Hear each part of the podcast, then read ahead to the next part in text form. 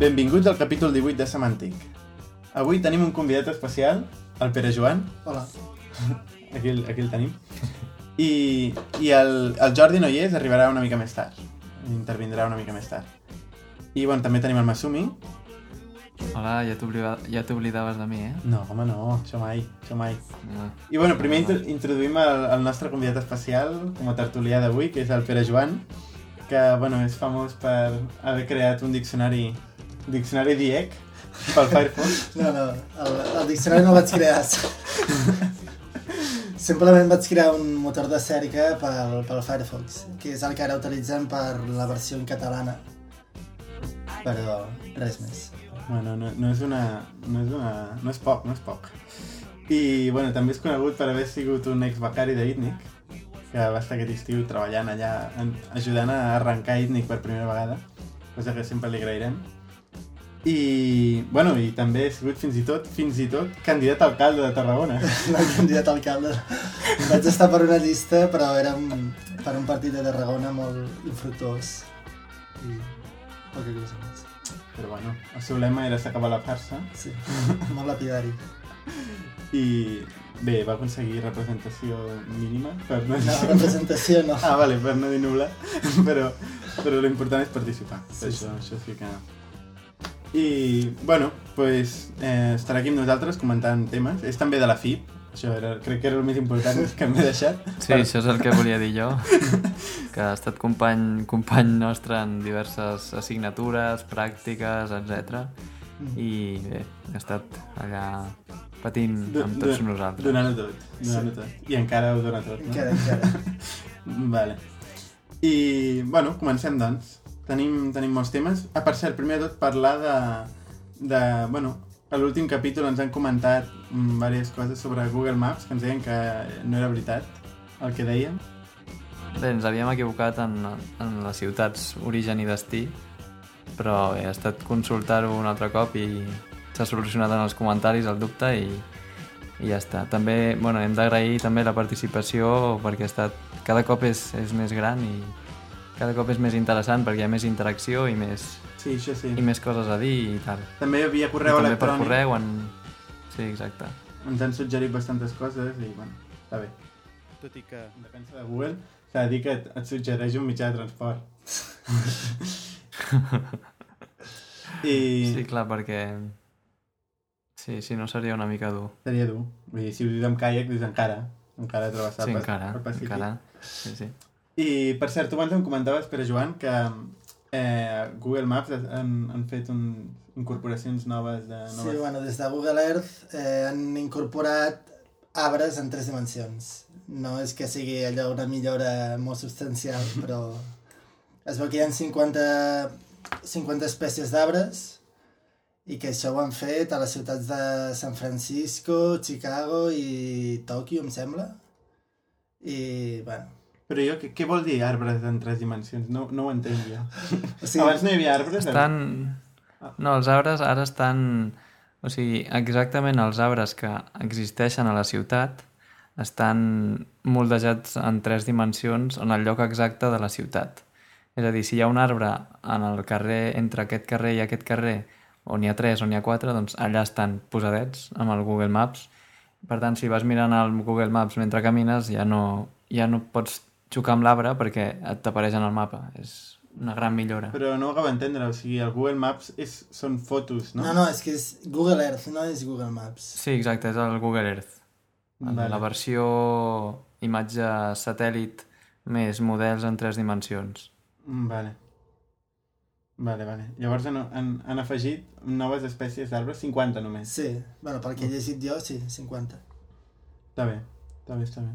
I també m'has comentat no sé què més del Google Maps. Ah, sí, eh, bueno, eh, he llegit que a Teheran han trobat en un edifici de, de l'aeroport una estrella de David, que es veu que abans del 79, abans de la revolució is islàmica, eh, hi van haver uns enginyers eh, israelis que van construir aquest edifici. Sí. I a la taulada van col·locar aquesta estrella de David Sense que s'enterés ningú, no? Sí, teòricament no ho sabia ningú.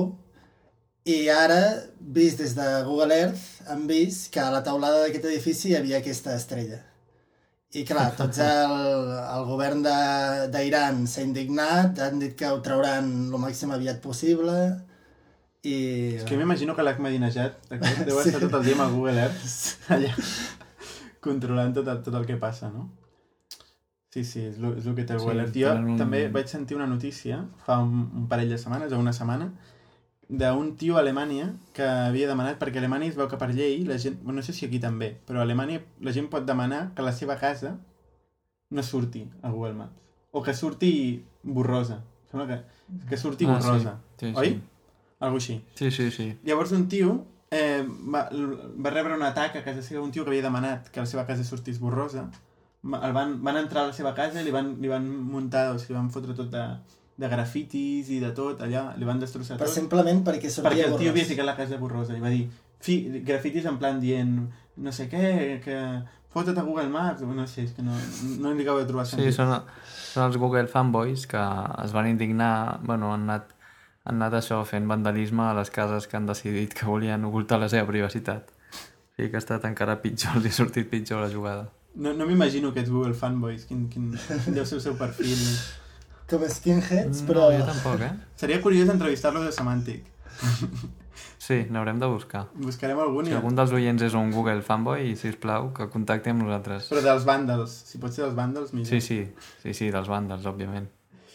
Sí, sí, està bé, està bé. Evidentment, Google es va desmarcar d'aquestes accions, va dir que no tenia res a veure, però bueno, no ho sabrem mai. I bé, més coses d'aquestes setmanes passades. Ha sigut el, el Black Friday, o divendres negre, eh, el divendres passat.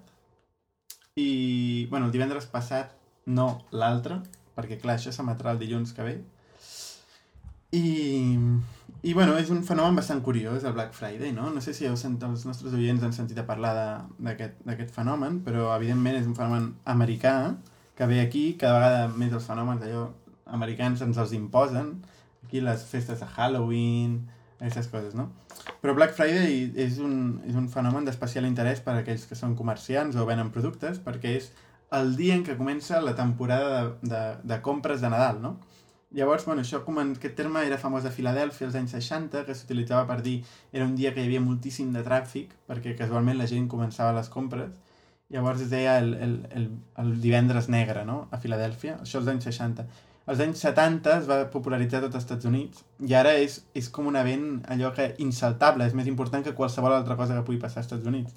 El dia divendres negre està tothom allà comprant. Fins al punt que cada any hi ha accidents, vull dir, em sembla que va ser l'any passat que una dona embarassada la van xafar i va perdre el fill. Fa, fa, Ai, mare meva. fa, també va ser l'any passat que un tio a Califòrnia, barallant-se per un producte, va treure la pistola i va començar a disparar, coses així. Un, un tio va quedar asfixiat allà a Long Island, a, a prop de Nova York, li va caure tot de gent a sobre i va quedar asfixiat i va morir. Coses així, no? Aquí no és tan massiu, no, encara? De moment no. De moment no. Esperem que, que no, no arribem a aquests extrems.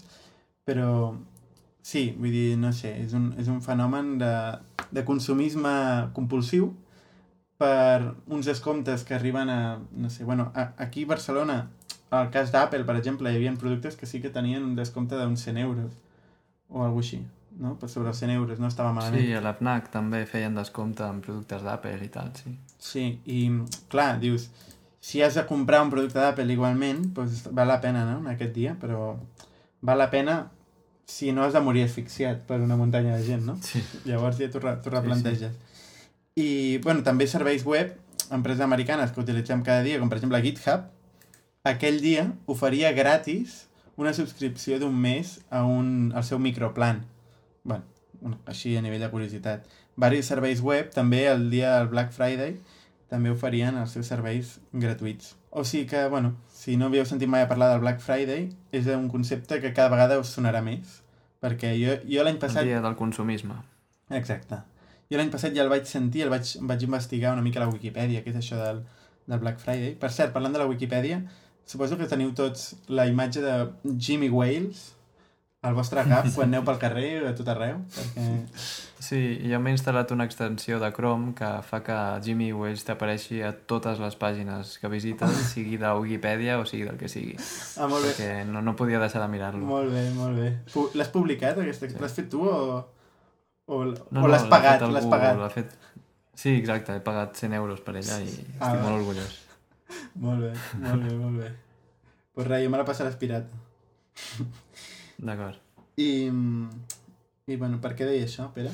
Ah, par parlant del Black Friday, no? Que Ah, sí, sí, és que clar, me'n vaig un tema a un altre. Doncs això, que, que l'any passat vaig buscar a la Wikipedia el Black Friday i vaig, vaig enterar-me de totes aquestes coses, no? Llavors aquest any sembla que la gent en parlava molt més. Segurament l'any que ve mm, tothom anirà a comprar aquí el colmado de, de sota casa perquè és Black Friday. Més temes d'aquesta setmana. Un d'ells és la, la sortida del diari Ara. Heu sentit? Sí, sí, sí. Va sortir dilluns. Sí. Dilluns va sortir el primer. Sí. Eh, com, bueno, Sí, jo ho vaig llegir, O jo ho vaig o- llegir del teu o Twitter. diumenge, no sé. bueno, de fet, vaig, ho vaig sentir d'una crítica que els hi feies a la seva web. Però sí, sí, eh, ho he vist, ho he vist. Sí, era bastant pèssim. Jo vaig, vaig sentir parlar d'ells perquè em van, em van fer una foto també quan lo del papa. em, van, em van fotografiar i entrevistar per tot arreu. I un, un dels que em van fer una foto és un, un fotògraf del diari Ara, no? I vaig dir, ostres, però sortiré i tal, i on sortiré, on no em puc veure? I va dir, no, no, és per ús intern. És, és per, per fer el primer diari, el diari zero, que no el podrà veure ningú. O sigui, faran un diari, van fer un diari zero, que una versió zero, que teòricament era un simulacre, com si tot fos real, amb fotos, tota la gent allà treballant i tant, fent grans articles i grans coses, total perquè no hagi vist ningú. I concretament era el diari en què sortia jo. O sigui que no em podreu veure. Curiós. Ni tindreu cap prova d'això que estic Quina llàstima. Vaja. I, i llavors, bueno, pues això, el diari ara, pues, que ha sortit, no? I que, bueno, té, molta, té molt de seguiment, no? La gent ha fet molta publicitat, es veu que va ser un top ventes, aquell dia tothom va comprar el diari ara. Jo, mm, bueno, m'estava indignant perquè veia a tot arreu el diari ara i vaig arribar a pet i vaig trobar el diari ara, també. I, i bueno, és un, és un projecte que surten així una sèrie de periodistes famosos i gent famosilla, no? Que sembla Sí. que l'estigui portant endavant. El Toni Soler, no? I algú... És que no... L'Albert Tom, Sí. I aquesta colla, no? Però dius, ostres, pues, està molt bé, no? I a més és, és un projecte que sembla així cooperativista, és una empresa coopera cooperativa, i dius, eh, té bona pinta, no? Vull dir, sembla un periodisme desinteressat i tal, però no, no, no, jo crec que no és el cas aquest, no? Pel Twitter he anat veient de companys que ficaven tuits de com estava fun fundat aquest diari per darrere, i és un, són grups empresarials, dintre els quals tenen Time Out, Lonely Planet, Sapiens, eh, i empresaris particulars d'aquest grup tenen també EVAX i, i, i companyies d'aquestes que no tenen absolutament res a veure. I, mm, per tant, de, darrere hi ha empresaris eh, molt interessats en aquest tema, però el pitjor no és això. Per això, doncs, hi ha Bueno, gent, això tots els diaris, no? Tots Deuen diaris. tenir alguna empresa. tots els diaris, no? Són grans grups empresarials com el, com el Mediapro, com, com el grup Godó, com Grupo Prisa, no? Mm. Però eh, en el cas aquest, en, el, en aquest cas, com que mm, és un, el, el que hi ha darrere d'això és un, un tio de, de l'Autònoma o de la Universitat Central, no, de la Universitat Central, de la UB, crec, que està, té molt bones relacions amb el, amb el Ministeri, no, amb la Conselleria de Cultura, pues, ha aconseguit rebre una quantitat de subvencions increïbles, no? I és una, una, una associació que es diu Cultura Catalana, que hi ha al darrere, que, per exemple, per la pàgina culturacatalana.cat han rebut unes subvencions de 1,3 milions d'euros, no? I això fa ja mm, anys, crec, o, do, o dos anys o mesos, no sé. Ara no, no ho tinc aquí. bueno, ja ficaré l'enllaç i la gent ho comprovarà ho comprovarà per... Per- per ells mateixos. calés. Sí, sí, i a més mm, vas a la pàgina de culturacatalana.cat i està sense continguts. És una pàgina que només té una... És una pàgina en blanc en què apareix les homilies d'Organyà no sé què. I dius, ostres, com pot ser que donin 1,3 milions d'euros per pagar una pàgina web? Que dius, una pàgina web val 1,3 milions d'euros? Em passo la vida fent pàgines web i aplicacions web que són molt més complexes, almenys al meu entendre, que aquesta pàgina de culturacatalana.cat i mm, jo no cobro 1,3 milions d'euros, vaja. Ni molt menys. Però la Doncs és- subvenció la era... veritat és Un... que ets tonto. Soc tonto, oi? Això és el que m'estic plantejant. És Sí. que soc tonto? Però la subvenció era segur només per la pàgina o és... Sí, Això sí, Cultura Catalana és una associació, és un... Sí, o... però la, la subvenció era en concepte de la pàgina, de la pàgina web. I és una pàgina web que no té cap contingut, encara ara. Llavors dius, ostres, com pot ser això, no? I, bueno, aquest, aquest grup ha anat, van acumulant subvencions. Per exemple, pel tema de la quan va sortir l'Estatut, eh, van fer un número al seu diari Sapiens que va aconseguir 50.000 euros de subvenció només per aquell número, per parlar de l'Estatut. Mm, dius, ostres, això... Eh, I el diari ara en concret pues, ha rebut eh, un milió d'euros, no? I després tu veus a la portada, veus tot, tot d'IMAX, tot allà, tot, tot d'IMAX, pum, pum, pum, pum, pum. Sembla, sembla un, una redacció del futur, no? Tot allà, tot blanc, tot nou. Dius, ostres, aquesta gent deuen tenir molts calés. Sí que tenen molts calés. Gràcies a, a les subvencions que entre tots els hi hem donat. bueno, els hi ha donat u algú, però els diners venen de nosaltres, no? Llavors, bueno, aviam si realment compleix les expectatives i aporta retorn a alguna perquè realment amb el que han rebut ja poden fer-ho bé. I llavors, clar, jo vaig estar seguint la web perquè diuen que és un diari que vol ser molt, molt digital i tal, no? A més, ofereixen les subscripcions aquestes que regalen un iPad, m'han dit, no? Algú... Tu m'assumi no, no has sentit tothom, això? Tothom... No, jo no ho he sentit, eh? però bé, és, és que és la moda. Tothom regala un iPad ara. Ja. Pues et regalen un iPad, per, si pagues 500 euros o 400 euros, que va la subscripció, entre 400 i 500, i estàs subscrit per un any. I, ostres, és, és, suculent l'oferta, no? A mi m'han trucat, com jo sóc subscriptor de Sapiens, em van trucar Ah, a veure si per 40 euros em volia subscriure un mes. el diari ara. Sí, però clar, mm, ni l'havia llegit ni sabia molt bé de què anava, doncs dubto que algú s'hagi aventurat a subscriure's així com així, no sé. Home, mm, sembla que jo crec que sí, eh? Perquè molta gent l'ha comprat almenys els primers números i la gent diu que li agrada. Jo he estat preguntant por ahí. Clar, jo no, no l'he llegit encara. No ho he fet. Però des del punt de vista informàtic, eh, com que havia de ser una web, pues, hay un nou diari tan digital i, i tan basat en les noves tecnologies, pues, bueno, dic, la web ha de, ha de ser una web impactant, no?, segurament. Llavors, quan va sortir, pues, vaig ser dels que van anar allà a veure la web. Per trobar-se què? Una web que no funcionava, que donava timeouts contínuament. I vaig dir, bueno, clar, deu ser perquè acaba de sortir i està tota Catalunya, tota Catalunya sencera, en comptes d'estar pendent de les eleccions, està anant al diari ara. Llavors vaig dir, bueno, deixa'm anar el dia següent. I el dia següent passava exactament el mateix. Una web desmuntada, amb els layouts que es desmuntaven, amb timeouts, vull dir, pèssim. O sigui que, bueno, veurem com evoluciona i com millora el diari ara, però ha començat una mica una mica malament. Però, bueno, El, eh, tu tenies temes sobre Wikileaks. Volies comentar que el com de Wikileaks. Bé, no concretament de Wikileaks, que s'ha estat parlant molt durant aquests dies per les filtracions de, massives d'informació que ha fet de les relacions entre els Estats Units i els altres països, eh, sinó més aviat del seu, bé, de la seva cara, no? diguéssim, el Julian Assange. Mm -hmm.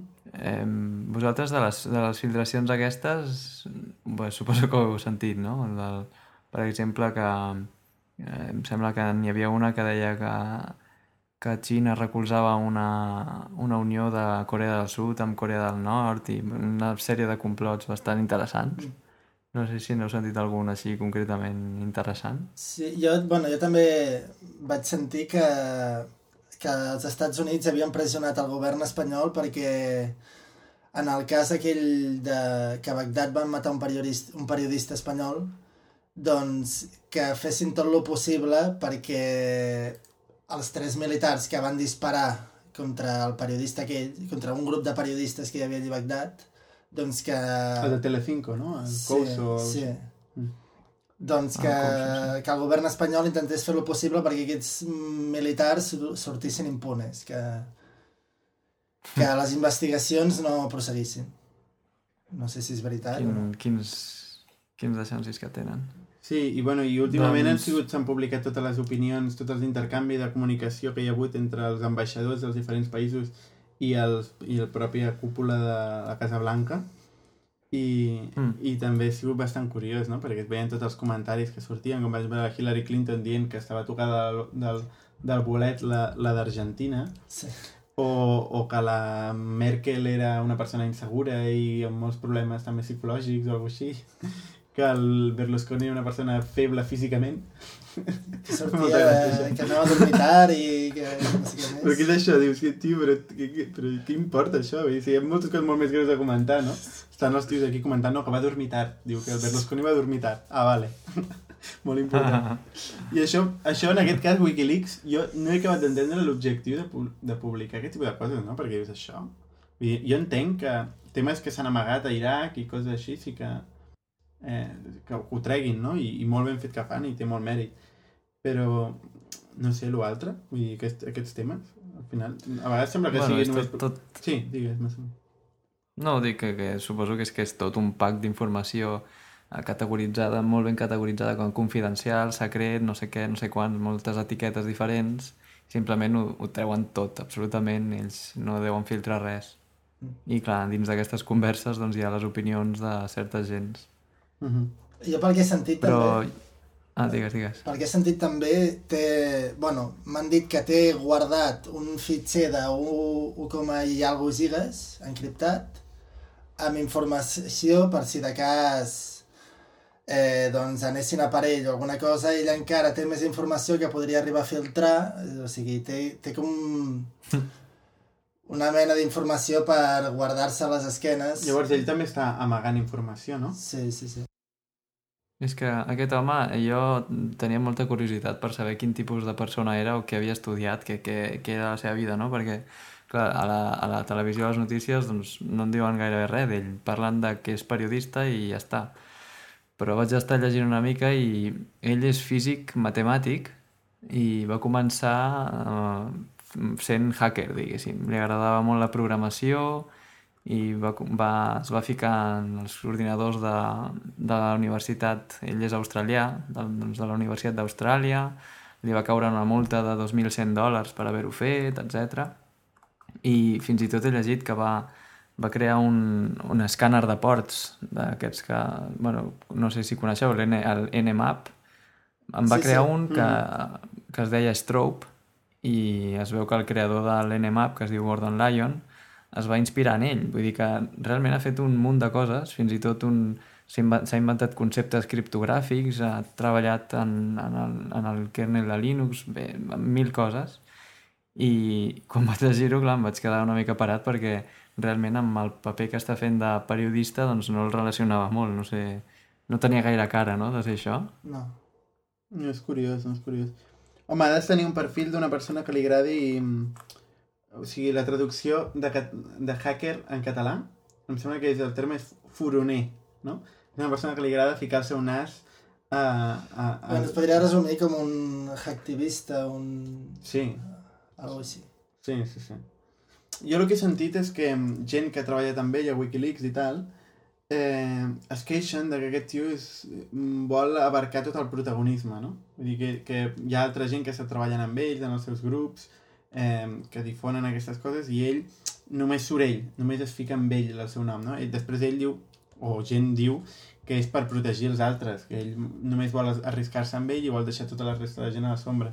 Però a canvi d'això pues, mm, té un protagonisme únic i personalista bastant important. No, Ja.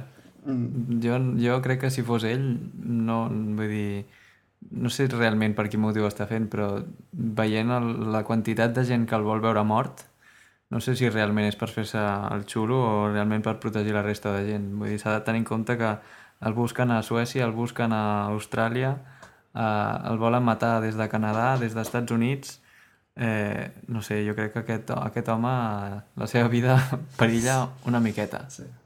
sí, però, però això no, no treu que, sí, el tio, sí que siguin motius idealistes, no? Que ell es fiqui una mica com, a, com Saviano, no? Que és el, el, un escriptor que parlava de la màfia, de Comorra, de la màfia italiana, doncs és un tio que mm. es va infiltrar i que després va publicar tot el que, tot el que havia sentit perquè l'indignava molt i, i evidentment doncs això el fica a punt de mira d'una de les organitzacions més perilloses del món també li dona protagonisme o sigui, també se l'acusa Saviano de buscar afany de protagonisme i no sé, no sabrem mai quin dels motius és o, o tots una mica.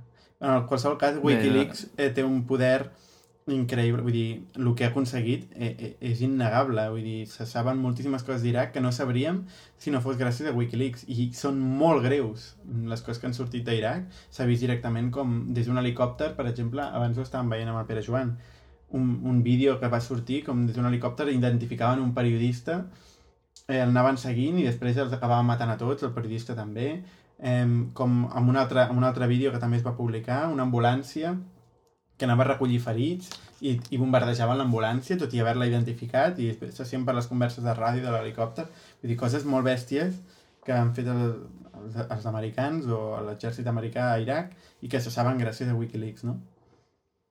Sí, i ara per, per relacionar una mica també amb la, amb la tecnologia que hem parlat aquests dies, el, comentar que el, el, la informació de Wikileaks, la web, de fet està, està, fins fa poc estava hospedada en un búnquer eh, sota terra amb cascades, en un lloc impressionant, però aquest, eh, just, abans, just el dia que van publicar aquests documents van, van rebre un atac de denegació de servei i van, va, va estar al límit, sembla que es va col·lapsar el, la web i tal, i ara han, han, han mogut tot el que són les dades, la web i tal, als servidors d'Amazon, els S3. No, no. Ho vaig llegir l'altre dia i vaig dir, mira... No, em sembla que no, que no ho has entès bé, eh, Masumi? Ah, no? no. Què, he entès? Ha sigut al revés. O sigui, estaven a Amazon... Estaven a Amazon, estaven a Amazon, i, i justament, com que tenen molts atacs contínuament, Amazon els anava bé gràcies a que poden augmentar la disponibilitat, poden augmentar la... la... Però, això, però això ha estat recent, vull dir, fin, o sigui, la setmana passada, no l'altra, vaig veure un documental que parlava dels, del, dels servidors del búnquer aquest on ho tenien, em sembla que sí, era un búnquer recent, suec. és molt recent. De fet, aquesta setmana estava veient per tot arreu això. Veia que, el, eh, que Amazon s'havia negat a continuar servint les aplicacions de Wikileaks que se l'ha posat moltíssim també per això, no? Però ja. sí, Amazon, Amazon s'ha negat a, a continuar servint a Wikileaks. No sé per què, perquè també, vull dir, Wikileaks paga, no? Quan ha d'augmentar el, la, la, el que té contractat, mm. eh, paga per això, no? Per tant, s'ha criticat molt Amazon perquè Amazon fa negoci venent llibres, no? Que els llibres eh, són coneixement de qualsevol tipus, també polític i també contro controvertit. controvertit controvertit i, i d'això viuen, no? I en canvi pues, ara Wikileaks han dit que no poden, no suporten més i que i han demanat que, es, que ho deixi de jutjar. I ara em sembla que han buscat servidors mm, dintre, un altre cop dintre un búnquer aquest deu ser. No sé on han anat, però la qüestió és que Amazon ja no estan. Ah, curiós. No, jo, doncs I... jo havia, no sé on ho havia llegit, que deien que acabaven de passar-se a Amazon. Suposo que vaig llegir-ho la setmana passada o alguna cosa així, i això va tan ràpid que et perds. Però és, dif és difícil saber, vull dir, és difícil on allotjar aquesta informació. No? A més, quan és així, té un, un caràcter tan internacional i a sobre d'informació de multimèdia, com vídeos i tal, eh, és molt difícil servir aquest contingut. No? Bueno, sí. Ara cada vegada és més fàcil perquè les connexions també són més, més grans, però bueno, abans pujaves un vídeo i si s'entraven més de 20 persones eh, de cop ja sí. tirava a terra la web, no? Clar, aquests continguts són molt, molt complicats. Llavors, jo no sé qui, com paguen això, però tenia un, una gran potència contractada a Amazon i, i ara doncs, diuen que ja no, no li faran més. No? no sé. En qualsevol cas, anirem seguint Wikileaks perquè és un tema interessant també des del punt de vista informàtic i en cultura general. O sigui que ho anirem seguint. Sí, sí, tant. Un, un altre tema que volia parlar jo és que aquest cap, aquesta setmana passada, el dijous passat, no el dijous passat del que es publicarà, sinó l'anterior, eh, vam anar, el Jordi i jo, que el Jordi no hi és, parlarà després, però vam anar a Barcelona on Rails, que és una trobada de, de desenvolupadors de Barcelona que mm, utilitzen la tecnologia Ruby on Rails.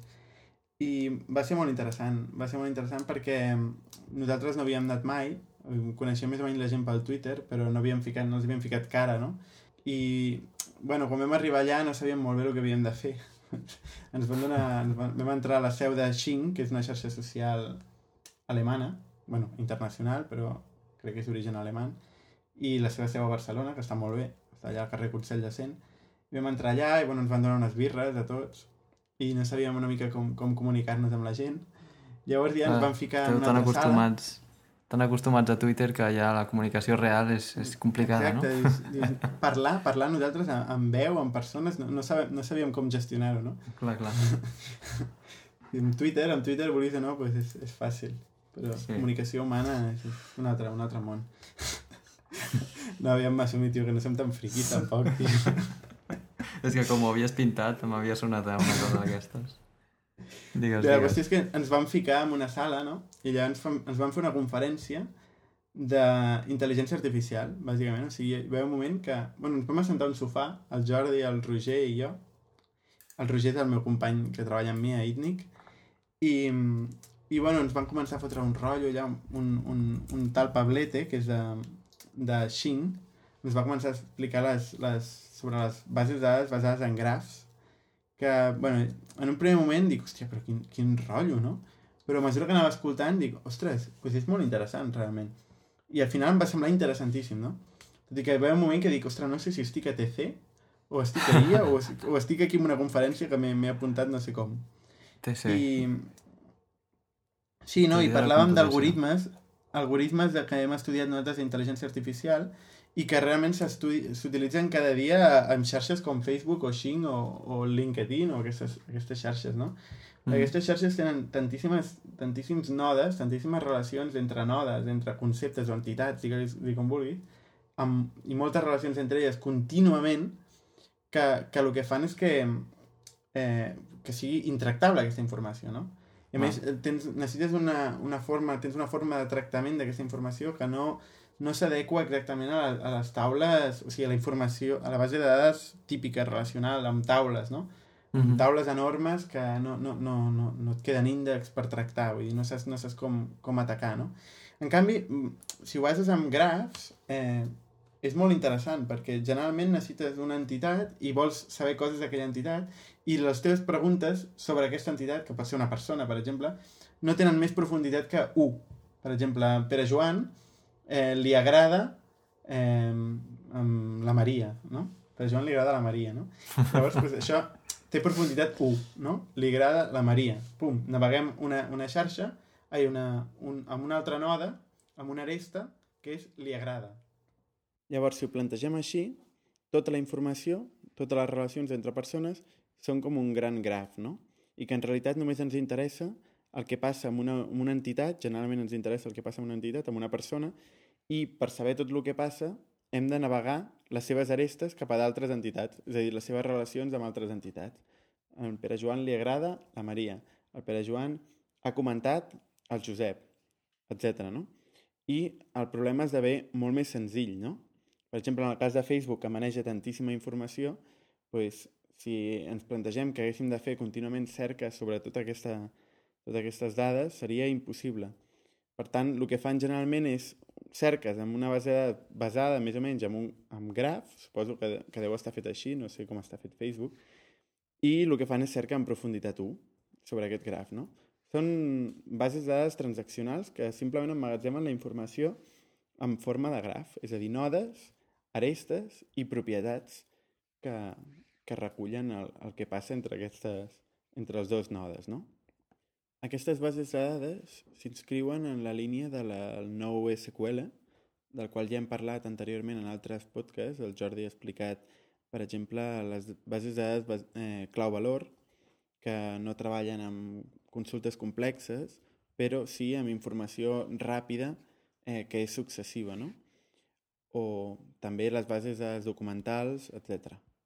I, bueno, i aquest home pues, ens explicava com amb, amb exemples reals, per exemple, de, ja no de xarxes socials només, sinó també de, de geolocalització, de mapes, per exemple, pues, eh, com ens, ens, o sigui, ens mostrava mitjançant gra, gràfics com tota la, per exemple, la logística d'una empresa en realitat eren tot grafs i que s'aproximava mitjançant cerca local, que això és un concepte d'intel·ligència artificial que el que intenta és no fer càlculs absoluts, sinó basar-se en informacions concretes de forma intel·ligent. Assumi tu que... Explica'ns què és la cerca local, que segur que ho explicaràs molt millor. Ui, ui, jo no sé explicar tant això, però, però bàsicament és quan no pots fer... No, pot, no pots buscar totes les opcions perquè és un problema que no, que no té solució en temps... Vull dir que per trobar la solució doncs trigaries més Infinit del que dura l'univers Exacte. doncs llavors el que fas és eh, fer una mena d'algoritme que més o menys no tan cegament busca muntanyetes, òptims, i allà es queda, di com dient, val, aquí estic, aquí estic molt bé, és un bon punt, i si segueixo avançant potser trobo un lloc millor, però mm, com que aquesta és la solució òptima fins ara, doncs me la quedo. I és una manera doncs, de trobar solucions bones ràpidament. Exacte. I això, si ho apliquem en geolocalització i en conceptes com, per exemple, la logística, doncs ens mostrava l'home que, per exemple, eh, per calcular els camions que entren i surten d'un país a un altre, de, posem d'Alemanya a, a França, eh, mm, segurament o per mirar un mapa europeu i, i controlar la logística, segurament ens interessaran petits punts, com per exemple les fronteres, als voltants de les fronteres, nodes concrets que hi ha molta comunicació, i amb l'estudi d'aquest punt es pot, es pot estructurar tota la xarxa sencera d'Europa, no? perquè segurament tots els camions passen per alguns petits nodes. Llavors, doncs, a partir d'aquí fan uns problemes amb enfocs de cerca local i, en base a dades basades en grafs, s'explora aquesta informació de forma molt més eficient. No? I bueno, el producte que ens presentava és Neo4j, que ficarem el link per si algú li interessa, és una eina open source que es pot utilitzar, no? I l'home, un home que, que ens va venir a parlar, un home d'Alemanya, que ens va venir a, a parlar després del Pablete, bueno, Pablete és el seu nick, no sé com, no me'n recordo ara com es diu en, en realitat. Però mm, el següent sí que me'n recordo que es deia Peter New, Neubauer, segurament no es pronuncia així, però aquest tio tenia una passió, com, com explicava les coses amb una passió, de this is, this is very cool, this is so cool, que dius, hòstia, és que ha de ser cool de veritat. no? Llavors t'ho contagiava, t'ho contagiava, no? I va ser molt interessant. I després vam anar tota la penya, vam anar a un bar, vam ocupar tot el bar, i vam estar allà pues, xerrant, comentant discussions friquis, eh, què és millor jQuery o Prototype, coses així. No? Mare Pagant-se per això. Quin nivell. Sí, sí va ser molt, molt, molt divertit. I anirem cada mes a partir d'ara, o sigui que si algú ens vol trobar o ens vol saludar... Sí, jo si fan, si fan conferències d'aquestes d'intel·ligència artificial de Clar. nivell molt friqui, jo m'apunto. Vaig pensar, això al Massumi li encantaria, home. Clar, sí, i tu també, Pere, heu de venir. Heu de venir, és superinteressant. I bé, vaig estar preguntant per allà, dic, suposo que tothom coneix Semantic Podcast. suposo que la resposta no, mitja era no, sí. No. Sí, sí, sí, sí. Sí, sí, sí. Diré que sí. sí. Diré que sí. A poc a poc. I bueno, jo crec que ho podem deixar aquí de moment amb vosaltres, però després parlarà el Jordi explicant algunes coses més. Sí, aviam, què ens explica? Eh, sí. Aquest capítol està una mica desmuntat, però, bueno, ja... És que ja s'apropa no el pont, el pont de... Ah, exacte. El pont i el pont és el pont. El pont és el pont, exacte. Exacte. I bueno, volem donar les gràcies al Pere Joan per haver participat, aviam si vens més sovint. Sí, gràcies, Pere. A veure, a veure si el pròxim cop puc aportar alguna cosa. Home, has aportat. La, te la teva presència és suficient, Pere. No ho dubtis en cap moment. D'acord, doncs ho haurem de deixar aquí definitivament. Al final el Jordi eh, no hem pogut no hem pogut agafar el seu fragment per aquest capítol, però sens dubte el pròxim capítol no hi faltarà perquè no tingueu nostàlgia de la seva veu, us ficaré algun fragment del curs de Git que va donar aquest passat divendres i que, per cert, va ser molt interessant. Va venir moltíssima gent a la seu nova de Teambox i vam fer posteriorment una barbacoa i es va dividir en dos grups el, el curs, no? van fer el grup bàsic i el grup avançat. El bàsic el va donar el Pablo Villalba, el CEO de, de Teambox, i l'avançat el va donar al, Jordi i ve una mica també ajudat pel Simon, que és un altre, un altre treballador de Teambox i va ser d'allò més interessant, la gent va sortir molt contenta i bé, us deixaré ara amb alguns fragments per acabar que per cert vaig gravar sense demanar autorització a ningú, secretament, amb el meu portàtil mentre assistia jo també en el curs. Espero que no em busquin responsabilitats per això. I ens veiem d'aquí dues setmanes ens sentim d'aquí dues setmanes. Recordeu eh, twitter.com barra semanticpodcast o podcast arroba semantic.cat. Continueu escrivint-nos com ara, que, com ja us hem dit, em fa molta il·lusió. Fins la setmana que ve.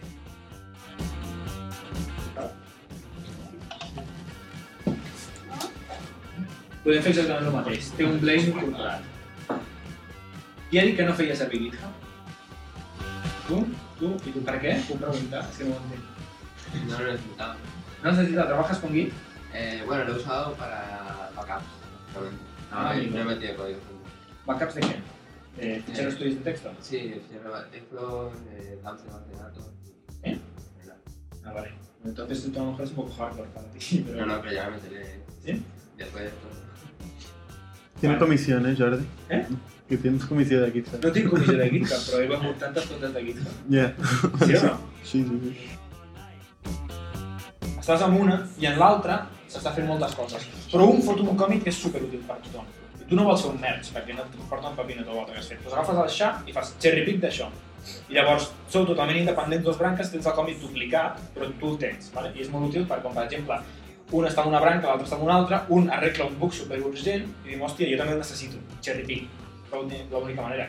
Si no seria copy-paste, que és I a la història com s'ubica? S'ubica l'últim? a la història és un còmic nou, a dalt de tot. Vale, vale, Un- sí, sí, sí. Cherry pick és com fer el canvi més còmic, però amb l'autor original, la data Sí, sí, original i el no. El és original. el agradat. sempre és diferent, perquè el xa, sabeu el que és el xa? El xa és el hash d'un còmic. Vale? Es fa a partir del contingut del còmic, o sigui, el text, el div, més el missatge de descripció, més la data, més l'autor, més els parents. Per tant, només que canvis una d'aquestes coses, el xa serà diferent. Per tant, si fas un cherry pick, si fas un rebase, tot això canvia el parent, perquè vol dir que un còmic estava aquí i ara està aquí. El parent és diferent, tota la merda. Si canvies l'autor, la merda. Si canvies el missatge, la merda. Per tant, no es pot fer mai rebase ni interactiu ni normal si ja has fet push. Vale? Perquè si no, no, no et deixarà i hauries de fer push force. Si el Git et diu has de fer push force, és una senyal que no has de fer push force. Vale? Vale. Aquí ens ensenya on estem ara. Estem a, a dev. Vale? I aquí veiem que hem, tingut un merge de collons, vale? perquè tot això d'aquí ve d'una altra branca. Llavors nosaltres anem baixant i veiem que aquesta branca no era, remei, o sigui, era una branca real, s'ha creat en aquest punt, ha pujat fins aquí i s'ha fet el merge. En aquest cas, no sé què ha fet aquest merge, però no l'hauria d'haver fet. Aquí hauria d'haver fet rebase. Perquè tenim un merge de la teva pròpia branca. O sigui, fixeu-vos que estem a la, a la branca dev i hem fet un merge de dev. Per tant, significa que algú l'ha fet rebase. Si anem a mirar qui és, m'imagino que serà allà i per tant no li diré res. Efectivament. El jefe. No li digueu.